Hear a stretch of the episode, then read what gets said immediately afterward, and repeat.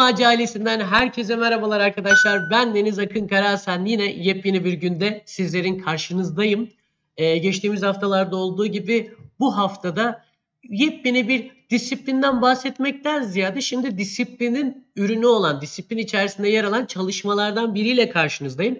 Çok özel bir çalışma. Ee, astronomi ile alakalı çok önemli bir yere sahip olacak bir çalışma. Muazzam potansiyeli olan bir çalışma e, Lucy ile karşınızda olacağız. Fakat bu Lucy ile ilgili bilgileri bendeniz size aktarmayacak. Bu alanda çok çok daha deneyimli, üzerine bir sürü çalışması olan, akademik anlamda bir sürü çalışması olan bir hocamız var. Ki o hocamızı da nispeten sizler yakından tanıyorsunuz veya ismini birçok yerde duymuşsunuzdur diye tahmin ediyorum.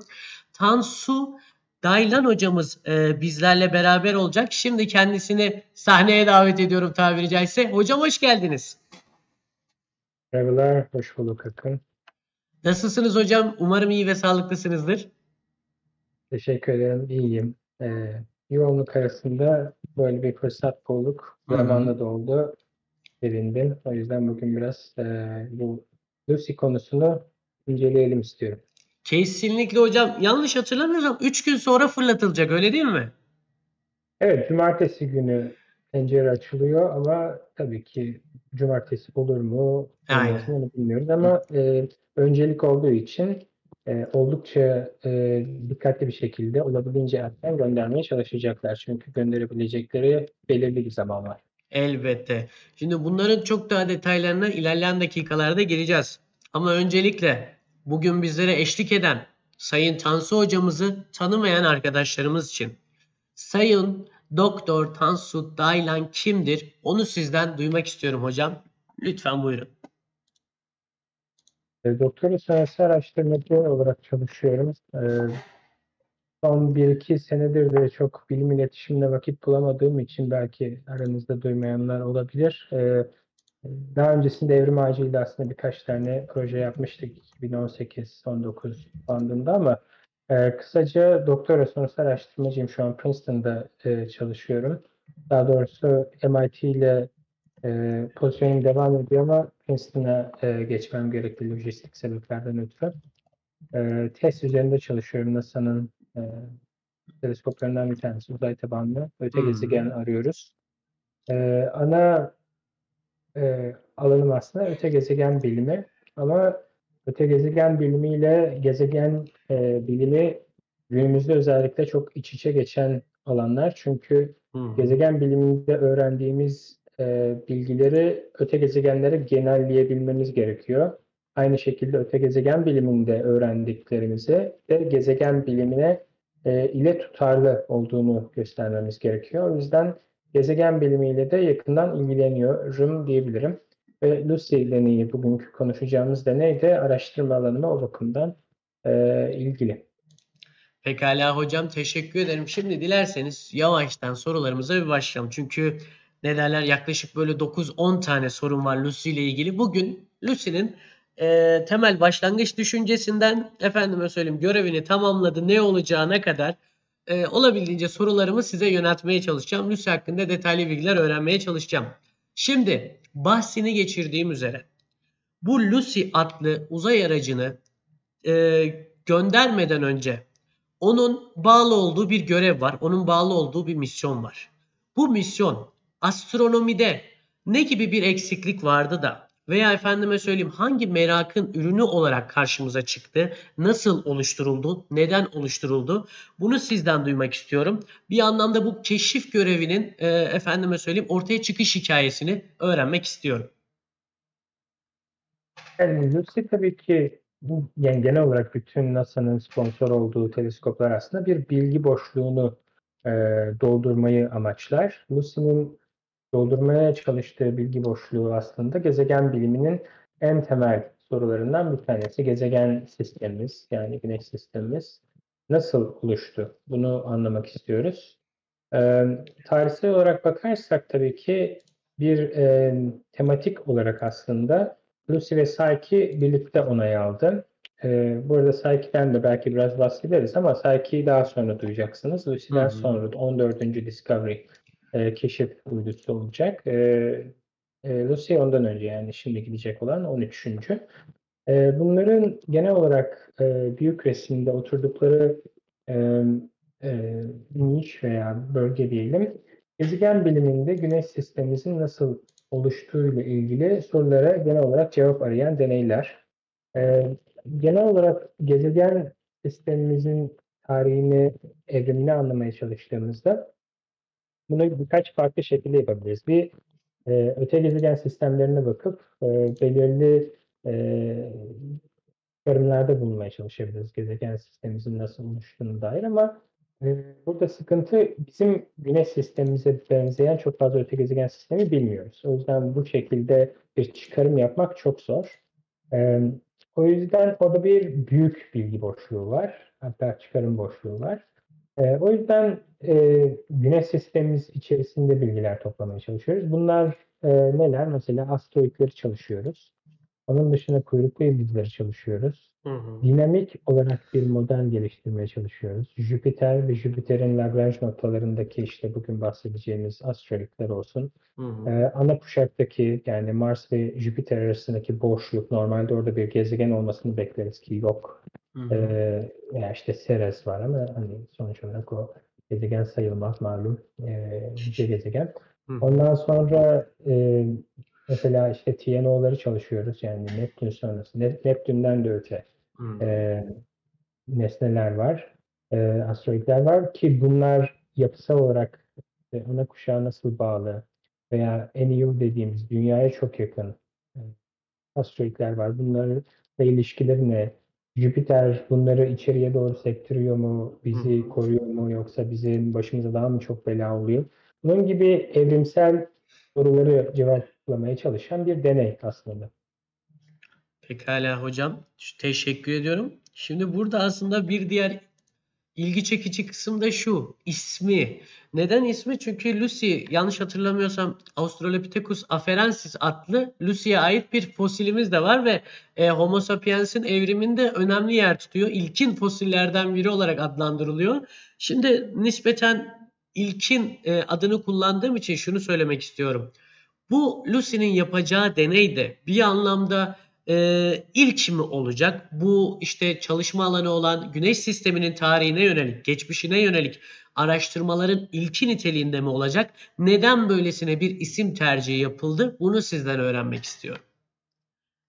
Evet, e, dediğim doğru 1970'lerde keşfedilen hominin e, ilk demek doğru olmaz daha doğrusu da e, Hı hı. bundan önce örnekleri de var ama yani ilklerden bir tanesiydi sonuç olarak Aperensis'in keşfi ve e, oraya tabii ki bir analoji kurulmuş durumda burada.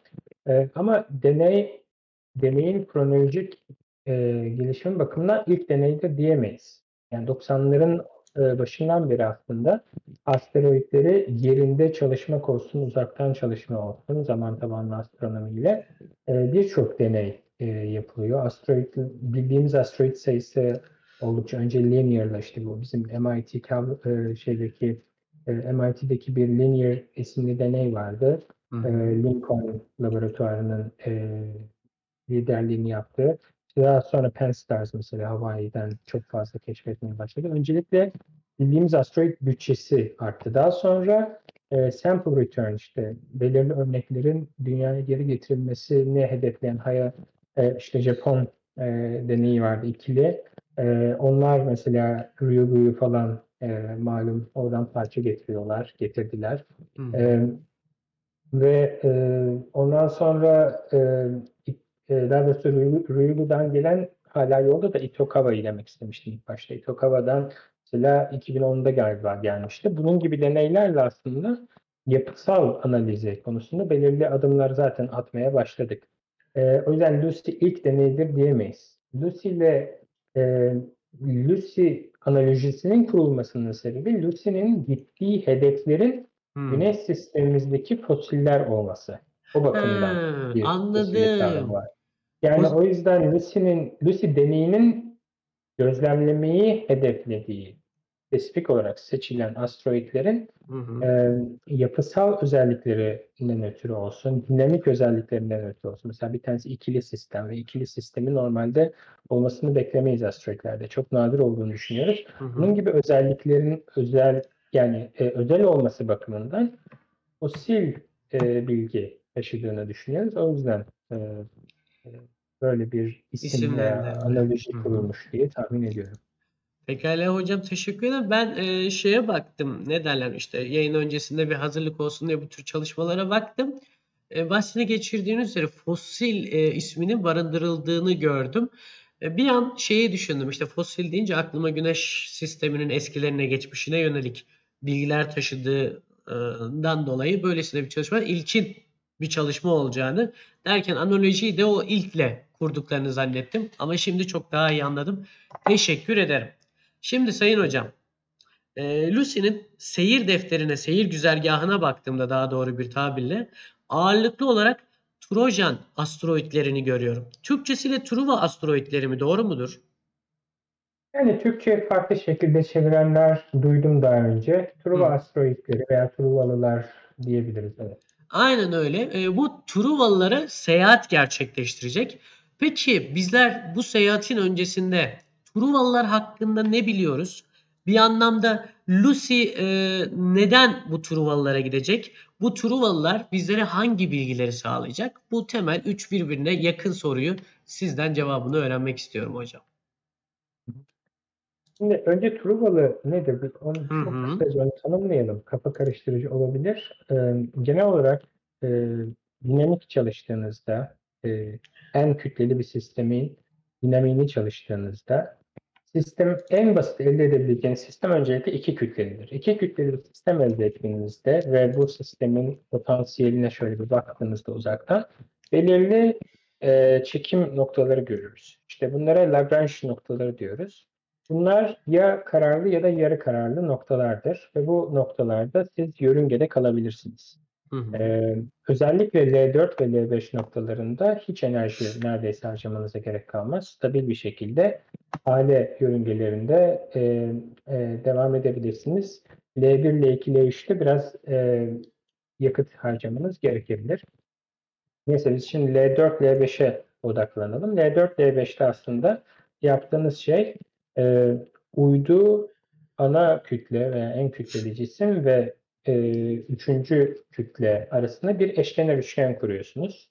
Yani güneş sistemimiz için mesela bu güneş, dünya, daha doğrusu e, Lagrange noktaları tanımlarken hep bir uyduya göre tanımlayabilirsiniz. Yani mesela bizim dünyamız güneşin bir uydusu olduğu için güneş dünya ikilisi için bir e, Lagrange 4-5 noktası tanımladığımızda bu noktalardan bir tanesi dünyanın 60 derece önünde giden bir tanesi de 60 derece arkasında giden Lagrange noktaları oluyor. L4 önümüzde 60 derece faz hı. bakımından önümüzde. L5'te 60 derece faz bakımından arkamızda oluyor. Ve L4 ve L5 noktaları aslında Güneş sistemimizin baryosentrik e, merkezi yani kütle merkezi etrafında dönüyorlar. Dünyamızla beraber. Şimdi dünyamız daha fazla kütleli olsaydı, Jüpiter gibi olsaydı, bizim de çok fazla e, kurmalı asteroidimiz olurdu. Ama bildiğimiz sadece bir tane fazla bilgim yok. Jüpiter'e bakışı çok var. Şimdi bunların önemi ne? Bunlar e, kararlı noktaları oluşturduğu için şu anki ön, ön yargı da diyebiliriz aslında yarı bilgiyle karışık ön yargılarımıza göre buradaki e, sistemler, e, asteroidler e, fosil asteroidler olması lazım. Yani Güneş sistemimiz ilk oluştuğunda veya oluştuktan birkaç yüzyıl milyon yıl içerisinde Jüpiter tarafından L4, L5 noktalarına hapsolmuş ve kendi içlerinde de yapısal olarak çok fazla farklılaşmaya gitmemiş asteroidler. Şimdi bu Hmm. ikinci söylediğim şeyi biraz açmak lazım. Kesinlikle. Gezegen dediğimiz şey kendi içerisinde yeterince ağırlığı olduğu için öncelikle küreselleşen bir cisimden bahsediyoruz gezegen dediğimizde. Cüce gezegenler de küreselleşir bu arada. Yani mesela Ceres, Plato vesaire. Ee, ama e, bir gezegeni cüce gezegenden ayıran şey yörüngesini temizleyebilmiş olmasıdır. Bunun için de yeterince kütleli olması gerekir. hı. Asteroidler için ise veya genel olarak herhangi bir minor planet dediğimiz küçük gezegen için konuşmak gerekiyorsa ise böyle bir e, e, küreselleşmeden bahsetmiyoruz. Yani genel olarak e, bahsettiğimiz küçük e, işte bunun gibi asteroidler e, çok değişik morfolojileri, şekilleri olabiliyor. Küreselleşmiyorlar çünkü yeterince zaten e, dönüş hızları yok ve kütleleri yok. Şimdi onun ötesinde farklılaşmıyorlar da aynı zamanda. Farklılaşmaktan kastımız bir cismin e, e, kütle merkezine yakın bölgeleriyle dış yüzeyine e, yakın bölgelerinin e, kimyasal ve fiziksel özelliklerinin birbirinden farklı olması. Mesela dünyamıza baktığımızda çekirdeğimizin e, eriyik aslında demirden oluştuğunu biliyoruz. Ama e, yüzeye baktığımızda daha çok işte e, silikon bazlı bir yapı görüyoruz, taş küremiz. Ve e, bunun böyle olmasının sebebi işte birçok etkeni var. Yeterince kütleli olması için. Asteroidlerde bunu görmüyoruz. Asteroidler bu nedenle çok fazla farklılaşma süreçlerinden geçmediği için Güneş Hı hı. sistemimiz ilk oluştuğunda ortada artık ne toz gaz varsa onun çok da fazla e, yer değiştirmeden korunmuş hali. İşte fosil kavramı buradan geliyor zaten. Çok fazla bozulmamış güneş sistemimizin milyarlarca yıllık evrimi içerisinde çok fazla değişmemiş olduğundan ötürü bunu kullanıyoruz. Mesela bunu aynı zamanda ana kuşak için kullanmıyoruz. Ana kuşak çok fazla değiştiğini düşünüyoruz. Neden? Çünkü ana kuşak e, Jüpiter'in e, e, Grand Tech Hypothesis diye bir kavram var. Yani Jüpiter'in zaman içerisinde ileri geri hareket ettiğini düşünüyoruz Güneş sistemi oluşurken. Ve bu sebepten ötürüdür zaten. Normalde Mars ve Jüpiter arasında bir gezegen oluşması gerekiyorken oluşmamış. Ama bu e, yörünge e, e, migration diyoruz yani göç aslında. Yörünge göçlerinden ötürü e, bu işte e, ana kuşaktaki asteroid kuşağının çok fazla sonradan değiş, değiştiğini veya değişebileceğini düşünüyoruz. Ama e, Jüpiter'in e, Truva asteroidleri bunlara göre daha besin, daha fosille yakın, fosilin tanımına daha yakın sistemler bize e, sunuyor. Tabii de şimdi burada asteroidlerin kendi içerisindeki e, e, sınıflandırmaları da çok önemli. Mesela bazıları karbon tabanlı C Hı hı, tipi C dediğimiz, bazıları sınıfı. silikon Hı hı. tabanlı S tipi dediğimiz. Bunun dışında M tipleri var. Daha sonradan keşfedilen işte. E, ve bu arada en fazla bulabileceğiniz C tipi yani asteroid kuşağına baktığınızda Hı hı. zaten çoğunluğu bunu görüyorsunuz ama bir de tabii ki M tipi var. M tipi çok çok önemli aslında. Çünkü bunlar az önce bahsettiğim o farklılaşma süreci var ya. Mesela bunu sorabilirsiniz. Yani bu farklılaşma sürecini nasıl anlayacağız? Yani Hı hı. hiçbir gezegenin çekirdeğini göremiyoruz ki. Şunu biliyoruz. Gezegen sistemi oluşurken Hı hı. ilk başta çok kaotik bir sistem var. Gezegenler birbirine çarpıp duruyor sürekli ve e, ortaya aslında e, çekirdeklerinden parçalar da e, savrulmuş olabilir ve bunların M tipi yani metal tabanlı olduğunu düşünüyoruz. Hatta işte bu Psyche'nin İngilizceyi 16 Psyche bunlardan en büyük, en büyük örneklerden bir tanesi. O yüzden mesela o da çok çok kendi başına ilginç. E, E, orada O yüzden çok özür dileyerekten ve, araya, e, girdim hocam. aslında bir evet Hı. sinerji oluşturacak. Buyurun. Şey diyecektim. e, direkt olarak aslında asteroidlerle alakalı soracağımız ki şu anda açıklamaya başladığınız bir sorum var. Dilerseniz hocam o sorumla birlikte cümlenizin geri kalanını devam ettirelim ki bir anlamda siz de girmiş olun. Çok daha yerinde olacaktır diye düşünüyorum. Müsaadenizle elbette. Tabii. Hocam sorum şuydu. Ee, şimdi bahsettik asteroid tiplerinden. Ee, hali hazırda e, o asteroid kuşağında daha doğrusu da kümesinde çok fazla asteroid var. Şimdi bu Lucy gideceği asteroidler belli mi? Yoksa o asteroid kuşağını böyle baştan aşağı tarayacak mı? Muhtemelen bellidir. Şimdi yavaş yavaş adını vererek de açıklamaya başladınız. Peki gideceği bu asteroidleri neye göre belirledi? Bunu sizden öğrenmek istiyordum. Ee, şöyle, e, isimleri belli tabii.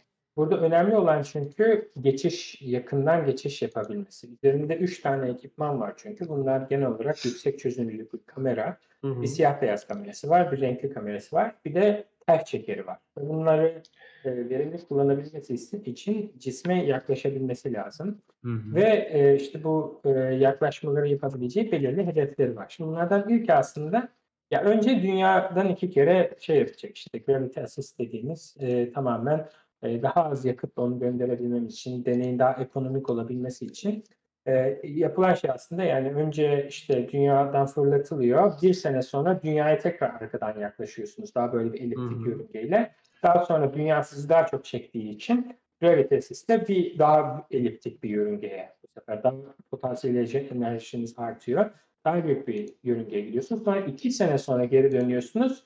Dünyanın arkasından dünyaya bir daha yaklaşıyorsunuz. Bir daha aynı eee, eee, fırlatma etkisini elde ediyorsunuz. Bu sefer potansiyel enerjiniz artık iyice yukarı çıkmış oluyor ki dış güneş sistemine fırlatılabilmiş olasınız. Daha sonra e, Lucy için yani spesifik olarak konuşmak gerekirse, ya bu genel değil aslında. Tek de Lucy için konuşmak gerekirse e, e, bu az önce bahsettiğim ana kuşakta e, Donald Johansson galiba. E, yani bu Lucy'nin keş, e, kaşifi bu arada aslında.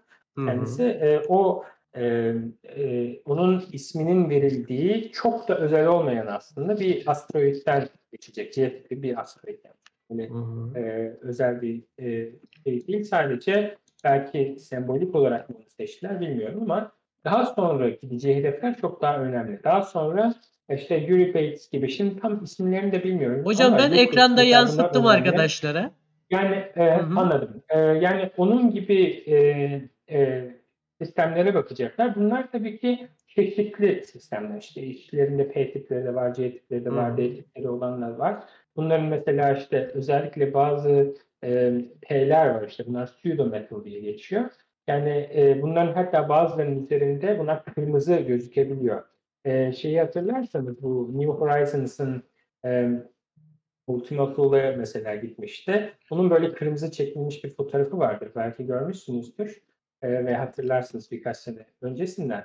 E, orada mesela e, üzerinde organik madde olabileceği konuşulmuştu. Hı Aynı şekilde e, işte bu genel olarak e, bir kırmızı fazlası, kırmızı, kırmızı rengi olan asteroidler çok fazla ilgi çekiyor. Çünkü bunlar aslında yaşamın belki başlangıç koşullarını e, asteroidlerin daha sonra karasal e, gezegenlere çarpmasıyla bu gezegenleri getirmiş olabilir. Yani dünyadaki yaşam aslında bunlardan gelmiş olabilir. Panspermia. Çünkü yani Evet. dünyadaki yaşam ilk başta hı. dünyada yani dünya oluşurken bu çarpışmalarla nasıl dünya üzerinde hayatta kalmış olabilir bilmiyoruz. Eğer bu mümkün değilse belki dünya ilk başta oluştu. Birçok fazla küçük dünya bir araya geldi. Sıcak, eriyik bir e, gezegen haline ge- geldi. Daha sonra bu gezegen doğdu. Hatta belki büyük ihtimalle sonradan suya çarptı. İşte malum ayımız oluştu falan. İyice soğuduktan sonra hatta belki de heavy, e, late heavy bombardment dediğimiz işte güneş sistemimizin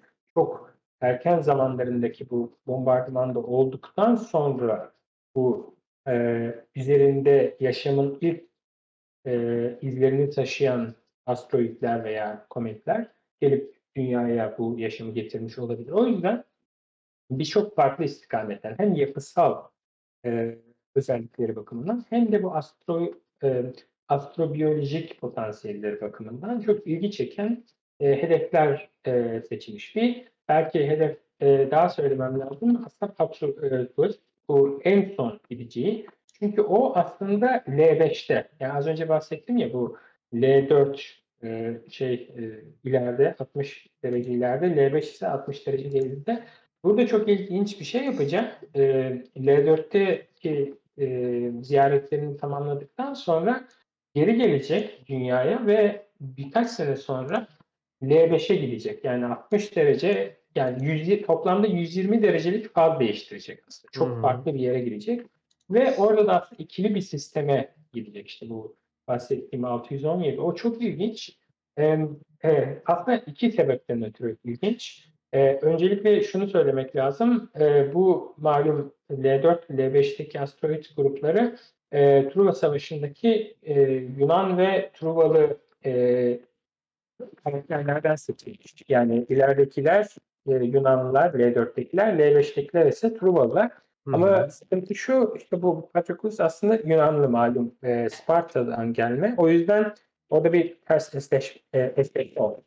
Yani işte isimlendirme geleneğini tam oturtamamışlar ama onun ötesinde bu ikili bir sistem. İkili bir sistem olması çok ilginç. Neden diyeceksin? Çünkü e, bunların aslında kütle çekimsel olarak çok fazla rahatlayamamış sistemler olması gerekiyor. Yani düşünün yani bunlar böyle sürekli birbirine çarpan Hı hı. ve daha sonra da kendi üzerlerine kapanan moloz yığınları aslında. Yani rubble pile aslında. Moloz yığını umarım düzgün çeviriyorumdur. Yani bahsettiğim şey e, içinde normalde böyle boşluklar olan e, tamamen kendi üzerine kütle çekimsel olarak çökmüş ve bir bütün olmayan sistemler. O yüzden e, öyle yani bunları kırmak, parçalamak da pek mümkün değil. Aslında moloz yani. E, ve bunların normal ikili sistem çok fazla oluşturmayacağını düşünüyoruz. Dış sisteme evet. baktığımızda mesela e, işte 67P'yi hatırlarsınız 2014-15'lerden veya işte yakın zamanda New Horizons'ın keşifleri. Onlarda mesela contact binary dediğimiz böyle ikili yani iki tane asteroidin kafa kafaya tokuşması sonucunda oluşan sistemler görüyoruz. Bunlar dış güneş sisteminde beklediğimiz şeyler aslında. Ama e, mesela işte şeyde Trojanlarda pek beklemiyoruz e, veya işte Trojanlarda.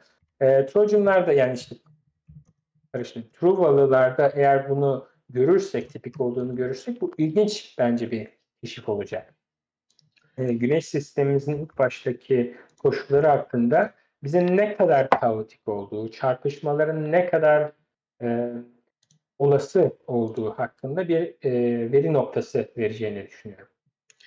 Pekala hocam teşekkür ederim. Ee, siz isimlerini sayarken ben de bir anlamda arka planda e, bu şey Lucy'nin asıl NASA'nın sayfası var ya hocam. İle ilgili Hı hı. açmış oldu.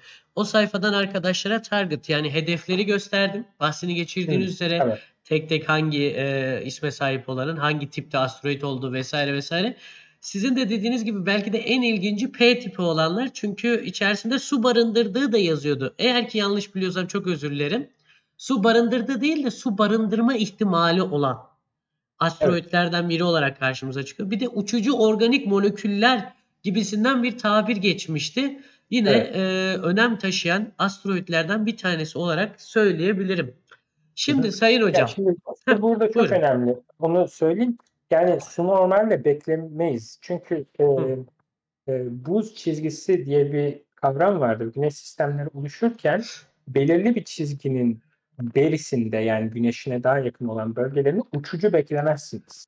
Hı. E, uçucu gördüğünüzde bu ilginç bir keşiftir. O yüzden e, asteroidlerde genelde su yoktur. Kometlerde yani işte kuyruklu yıldızlarda vardır. Daha doğrusu kuyruk oluşturmadan hallerinde buz e, halinde vardır ve bunlar genelde dış sistemdedir. E, piyanolarda falandır. Pekala hocam. Teşekkür ediyorum. Şimdi bakalım ne soracağım. Sıradaki sorum ise şu. Şimdi Lucy'yi evet bir sefere gönderiyoruz. Bu asteroidlere gidecek. Fakat Lucy'nin tam anlamıyla görevi nedir? Ha, Lucy şunu başarırsa görev başarıyla tamamlanmıştır denilmesi için Lucy'nin tam olarak ne yapması gerekir ve o yapacakları şeyleri biraz önce e, bahsini geçirdiğiniz bazı ekipmanlara sahipler. Bu ekipmanlar ile daha doğrusu bu ekipmanlar ne gibi özelliklere sahip de bu görevi e, başarmalarında ona yardımcı olacak hocam. Şimdi sonuç olarak yapacağı şey e, optik ve tayfsal sınıflandırma. E, yani e, öncelikle e, jeolojik olarak topolo- topolojisini anlaması lazım. Yani yüzeyinin yüksek çözünürlüklü fotoğraflarının çekilmesi lazım. Hı hı. Bu yüzeyindeki parçacıkların e, bize e, büyüklük dağılımını verecek. Öncelikle molozunun tipini bilmemiz lazım. E, daha sonra e, genel olarak morfolojisini bilmemiz lazım. Mesela bunlar üst üste binmiş topa, top, topak gibi böyle asteroidlerden mi oluşuyor? Onu bilmemiz lazım. Daha sonra kütlesini ve yoğunluğunu ölçmemiz lazım.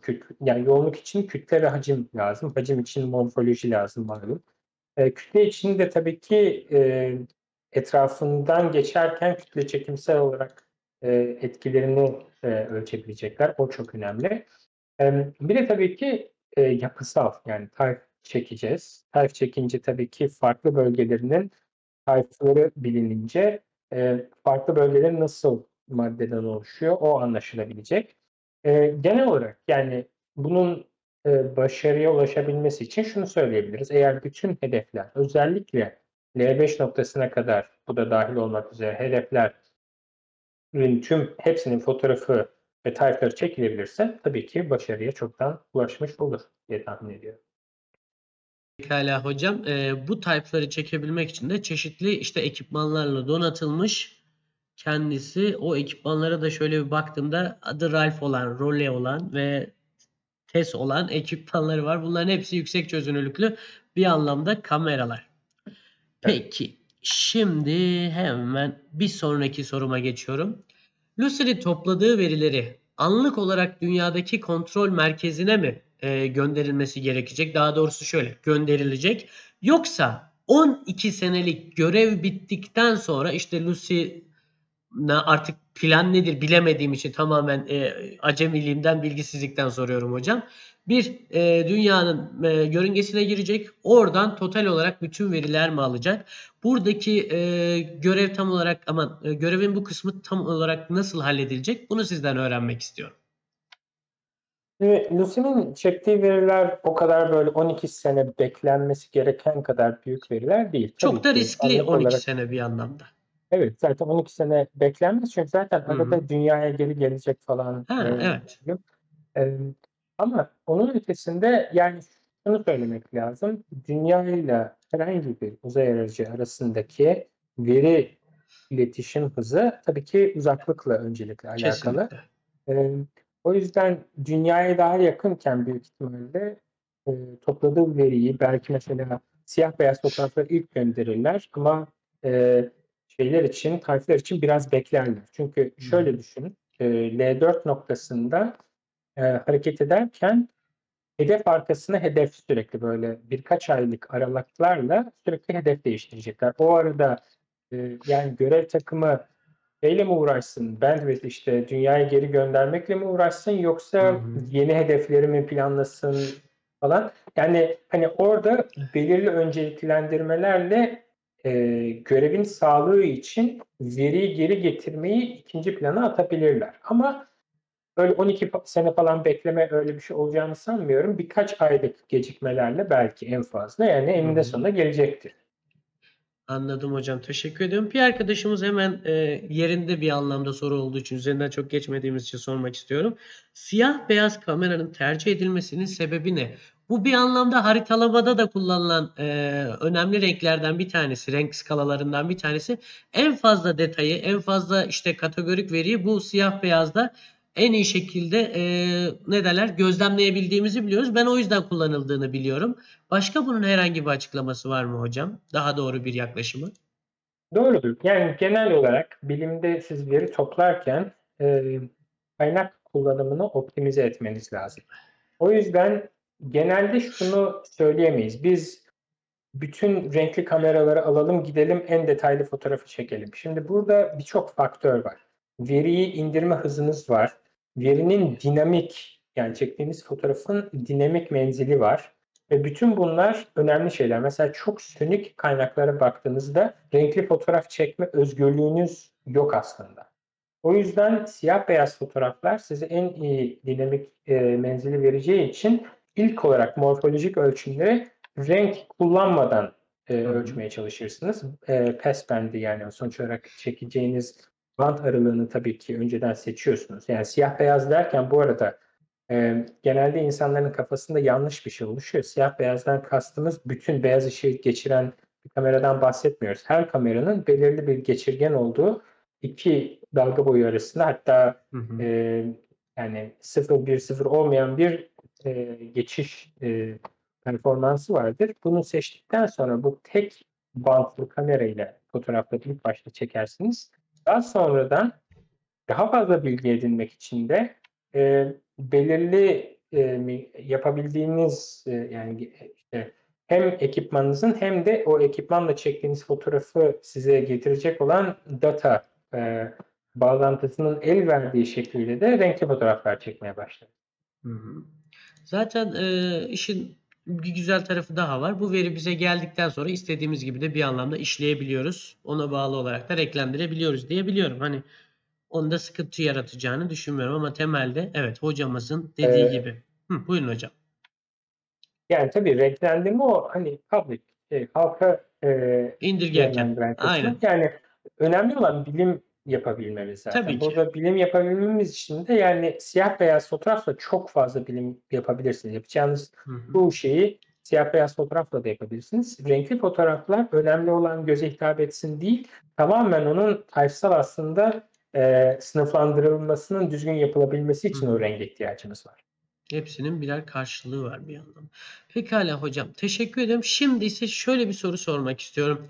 Sürekli yörüngesiyle alakalı e, efendime söyleyeyim bir bilgi aktarımında bulundunuz. Dünyaya döneceğinden e, bahsettiniz. Ben de şunu sormak istiyorum. Şimdi öncelikle L4 kümesine gidecek. Dünyanın dünyadan ivmelenip L4'e. L4'te asteroidlerin bulunduğu kısımda bir torsiyon hareketi demek doğru olur mu bilmiyorum ama tekrardan dünyaya gelecek bir hareket yapacak. Orada bir U çizecek kısacası. Fakat ya ortamda yine cahilliğime verin lütfen. Bir Jüpiter yok. Başka herhangi bir gezegen vesaire yok. Orada bu hareketi e, ona ne sağlayacak? Asteroidlerin kendisi mi ona ivme verip U dönüşünü gerçekleştirmesini sağlayacak ve böylelikle dünyaya gelmesini sağlayacak? Yoksa kendisinde itici bir mekanizma söz konusu. O itici mekanizmayla U dönüşünü tamamlayıp yine dünyanın yörüngesine mi oturacak?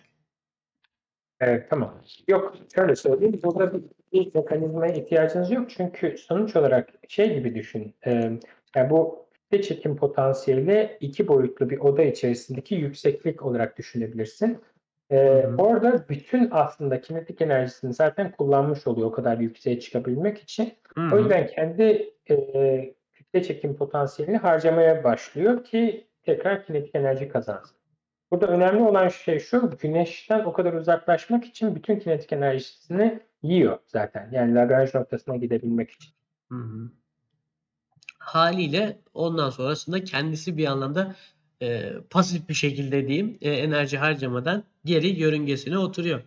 Peki Evet. hocam e, anlattığınız kadarıyla Lucy asteroidlerle yakın temasa geçmeyecek fakat onları görüntüleyebilecek kadar da bir mesafe içerisinde olacak. Doğru öyle değil mi? Evet, yani e, zaten tamamen seçtiğiniz detayla alakalı. Yoksa asteroidleri dünyadan da görüntüleyebilirsiniz. Ama Hı. önemli olan yakınına gidip morfolojik olarak size ilginç olacak bilgiyi bulabilmek.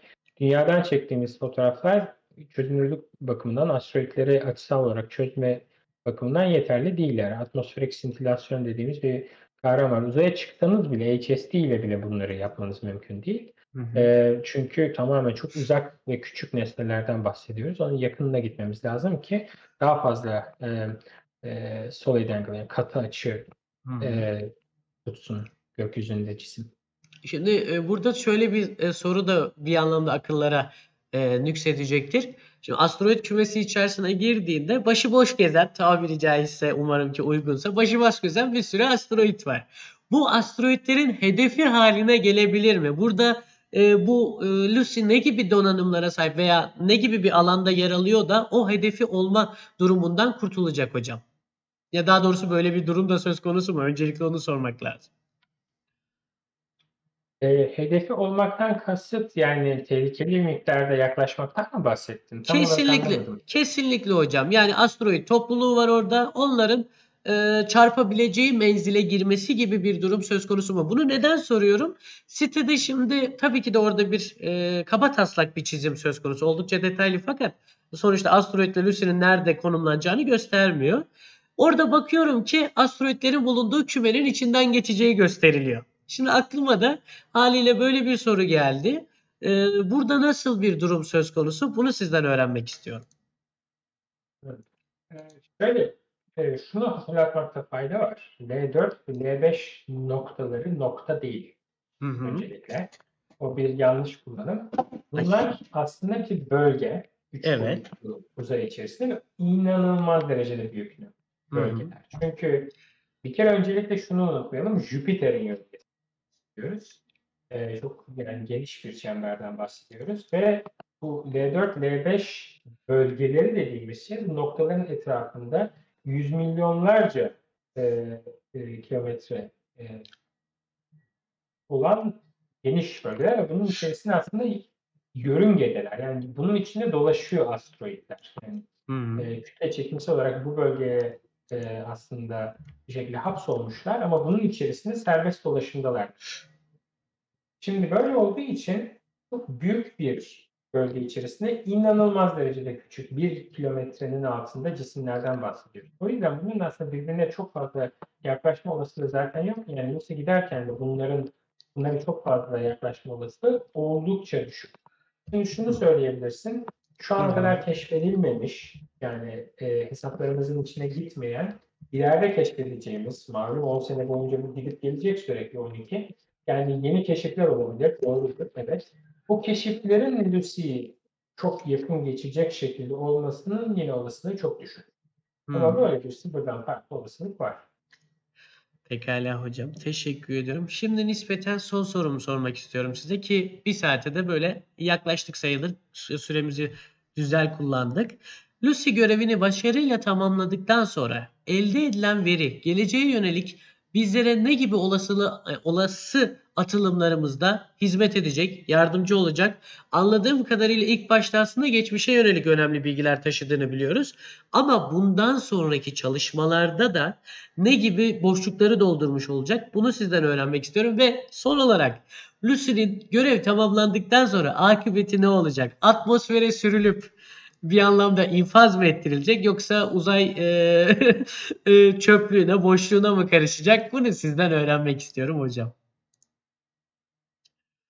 İşte e, genel olarak bunun gibi bir deneyim büyük etkilerini e, yani belirli sınırlar içerisine almak oldukça zor. Çünkü hı. e, çok büyük keşifler de yapabilir. Yani asteroitlere gittiğimizde, bunların fotoğrafı çekildiğinde e, özellikle organik madde miktarı bakımından bizi çok şaşırtacak şeyler keşfedebiliriz. E, o yüzden büyük etkileri çok büyük de olabilir. Ama en azından şunu öğreneceğiz. Yani bunların yakından fotoğrafı çekildiğinde artık yavaş yavaş Güneş sistemimizdeki asteroitlerin bir aile fotoğrafı oluşmaya başlayacak. Hı. Yakından, yani yüksek çözünürlüklü fotoğraflarından bahsediyorum. O yüzden bir e, popülasyon modeline doğru geliyor asteroitlerin. Bu bize neyi anlatıyor? Yani, yani neyi anlatıyor olacak? Büyük ihtimalle Güneş sisteminin ilk koşulları, ilk 10-100 milyon yılı için çok daha iyi bir resmimiz olacak. Yani asteroitler ne zaman ilk olarak oluşmaya başladı? Bulundukları yörüngeleri ne zaman göçmeye başladı? Hı hı. Jüpiter e, ne zaman oluştu ve Jüpiter'in oluşurken diğer gezegenlere etkisi ne oldu? Malum şu an, şu an kabaca bildiğimiz Mars'la Jüpiter arasındaki gezegenin oluşmasını engelledi. Bunu biliyoruz. Hı hı. Ama onun ötesinde ne gibi e, etkileri oldu? Bunu bilmiyoruz. E, mesela dünyaya nasıl etkileri oldu? Dünyaya denilir işte e, dünyayı şeylerden e, e, uzun yörüngeli kometlerden koruyor denir Jüpiter için ama sonuç olarak bu yaptığı doğru evet. Bu e, yüksek e, büyük periyotlu e, kometleri saptırıyor ama aynı zamanda iç güneş sistemindeki asteroid popülasyonunu da sürekli heyecanlandırıp duruyor dinamik olarak. Dinamik anlamda heyecanlandırmaktan bahsediyorum ve bu e, uyarıyor diyelim. Uyardığı için e, dünyaya daha fazla asteroid gönderiyor da olabilir. Ve bunun e, aslında bir bütçesinin yapılması lazım. Bunu anlama yolunda e, büyük bir etkisi olabilir. Bir de belki şimdi aklıma geldi. Hani daha e, nasıl diyeyim ayakta yere basan bir şey merak ediyorsa Hı e, insana şunu da söylemekte fayda var. Asteroid madenciliği konusunda. Hı hı. E, hiçbir zaman ana motivasyonu olmadı NASA projesi sonuç olarak. NASA sponsor olduğu için öyle ticari bir boyutu yok ama aslında asteroid madenciliğine inanılmaz derecede geri bildirimi olacak bir deney. Çünkü bu kadar fazla asteroidin yakından fotoğrafını çekerseniz bunların sayısal sınıflandırılmasına e, katkıda bulunursanız eninde sonunda elde edeceğiniz şey gerçekten e, yani tabii ki gidip e, L4 L- yani Jüpiter'in L4 L5'inden gidip materyal alacak değiliz. Önemli olan şey şu bunlar arasındaki bağlantıları bularak NEO'lar yani dünyaya yakın geçen asteroidler ki ekonomik olarak en mantıklısı onlar zaten çok fazla delta bir ihtiyacı duymayın. Onun, onlarla aralarında bir ilişki kurarsa bu Hmm. NEO'lardaki asteroidlerin aslında bütçesi ve ekonomik getirisi bakımından daha iyi bir sınıflandırma yapmamız mümkün olabilir. Pekala hocam. Teşekkürler açıklamalarınız için. Şimdi hocam ben nispeten hani e, ne derler? Kısa bir hazırlanma sürecim olduğu için şimdilik bu kadar soru hazırladım sizin için. Ama Akın şu konuyu da konuşsaydık. Şuna da değinmek istiyorum. Demek istediğiniz herhangi bir konu başlığı varsa da hazırım. Ama aklınıza gelmiyorsa da zaten 9-10 tane soruyu cevapladık. Tamamen ne derler? Özgürüz, samimi bir ortam. Aklınıza ne geliyorsa hocam. Aklıma ilk olarak şu geldi. Galiba bir önceki sorunun ikinci kısmını cevaplamadım. Şimdi aklıma geldi. Onu söyleyeyim. Ha şey evet bizimkine Evet, ne yani olacak? Aynen. Ne olacak? Yani boş uzayda aslında 8 çizmeye devam edecek. Ha Ee, o yüzden tabii bir yerden sonra kameralar falan çalışmayacaktır. Kozmik ışın yağdığı için sürekli. tabii ki. e, elektronik cihazlar bir yerden sonra bozulacağı için büyük ihtimalle e, bilimsel çıktısı sonlanacak ama o yörüngesinde 8 çizmeye devam edecek. İlginç bir yörüngesi var. Hı hı. O yüzden geleceğini tahmin etmek çok zor. E, dü- düşük dünya yörüngesinde değil ki bu atmosferde kaybolsun yani. Hı hı. O yüzden öyle bir sonu olmayacak. Yani genel olarak ekleyeceğim şey şu olur. Güneş sisteminin e, ilk koşullarını anlama yolunda e, son zamanlarda hep duyuyorsunuz zaten yani hani e, e, sample return'ler konusunda astromateryal konusundaki bilgi birikimimiz inanılmaz derecede arttı son 10 senede. İlk başlarda 60'ların sonunda dü- e, aydan yaklaşık 380 kilogram şey getirilmişti. Ondan sonra bir duraklama dönemi oldu. E, astromateryal bakımından. Ama şu an işte hem e, getirilen örnekler hem Mars'tan ümit ediyoruz malum getirilecek örneklerle beraber. Bir de tabii ki aktif bir şekilde işte Antarktika'da e, hem Mars'tan olsun hem e, asteroidlerden olsun kopan parçaların, bunlarla ilişkilendirilen parçaların laboratuvarda analizleri devam ediyor. Bunlarla genel olarak bir resim oluşturulmaya başlandı. Hı. Bunlar çok ilginç bulgular çünkü öte, yani kişisel olarak ben çok ilginç buluyorum. Çünkü öte gezegen bilimiyle de alakalı. Ee, çünkü öte gezegen biliminde e, cevaplayamadığımız birçok soru var. Yani öte gezegenlerin kütlesini, yarıçaplarını ölçüp duruyoruz ama e, yani daha sonra yapısal özelliklerine bakınca o kadar fazla e, eş modeller var ki yani veriden geçirebileceğiniz bir yerden sonra insan Hı diyor ki yani hani daha fazla veriye ihtiyaç var. O yüzden güneş sistemimize geri dönmek zorunda kalıyor aslında soruya cevap verebilmek için. O yüzden bu tür e, atılımları çok faydalı ve heyecan verici buluyorum diye sonlandırayım. Pekala hocam teşekkür ederim. Şimdi ise e, programımızı kapatmadan önce e, değerli izleyenlerimizin sorularını almak istiyordum. Ki iki tane şöyle güzel sorumuz var. E, asteroidler hangi maden, asteroidlerden hangi madenler toplanabilir? Bu önümüzdeki işte 50 yıllık süreç içerisinde denmiş ama şimdi 50 yıllık süreçten ziyade e, asteroidlerden hangi madenler toparlanabilir? Çok daha doğru bir soru olacaktır diye düşünüyorum. Çünkü kestirmek çok zor.